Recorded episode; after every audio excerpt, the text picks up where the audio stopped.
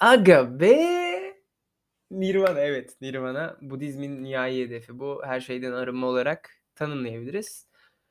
Hintlilerde işte meditasyon disiplinlerinin en büyük hedefi Nirvana'ya ulaşmak. Müslümanlıkta da bu ermişlik olarak adlandırılabilir. Bizim inancımıza göre işte ölünce cennete gidersen işler güzel falan. İşte dünyadaki cennete de hani Budistler mi diyeyim çok doğru olmayabilir. Bu şekilde çıkıyormuş.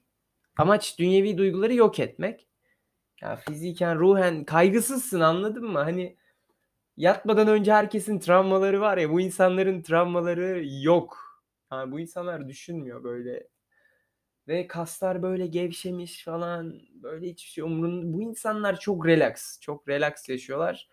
Ama bana en garip gelen kısım her şeye şükretme kısmı.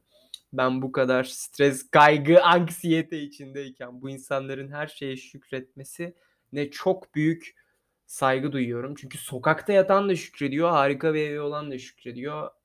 İnsanlar sürekli bir şeylerden eksik kalıyor ve bunlar eksik kalmadığına inanıyor ve belki de eksik kaldığı için bile bunun hayırlı geldiğini düşünerek şükrediyor. Dünyevi duygulardan arınmak çok garip çünkü arınıyorsak süremiz dolmadı mı? Dolduysa neden buradayız?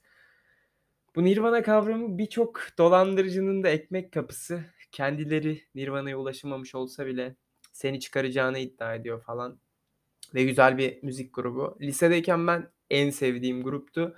Gitarla sabahtan akşama kadar bunu çalmaya çalışıyordum. O Smells Like Teen Spirit falan işte Come As You Are var. Sonra Something in the Way var. Müthiş bir albümleri var. Hatta albümdeki o çocuk da büyümüş ve dava açmış. İşte Nirvana'mız da bu kadar. Kendinize iyi bakın.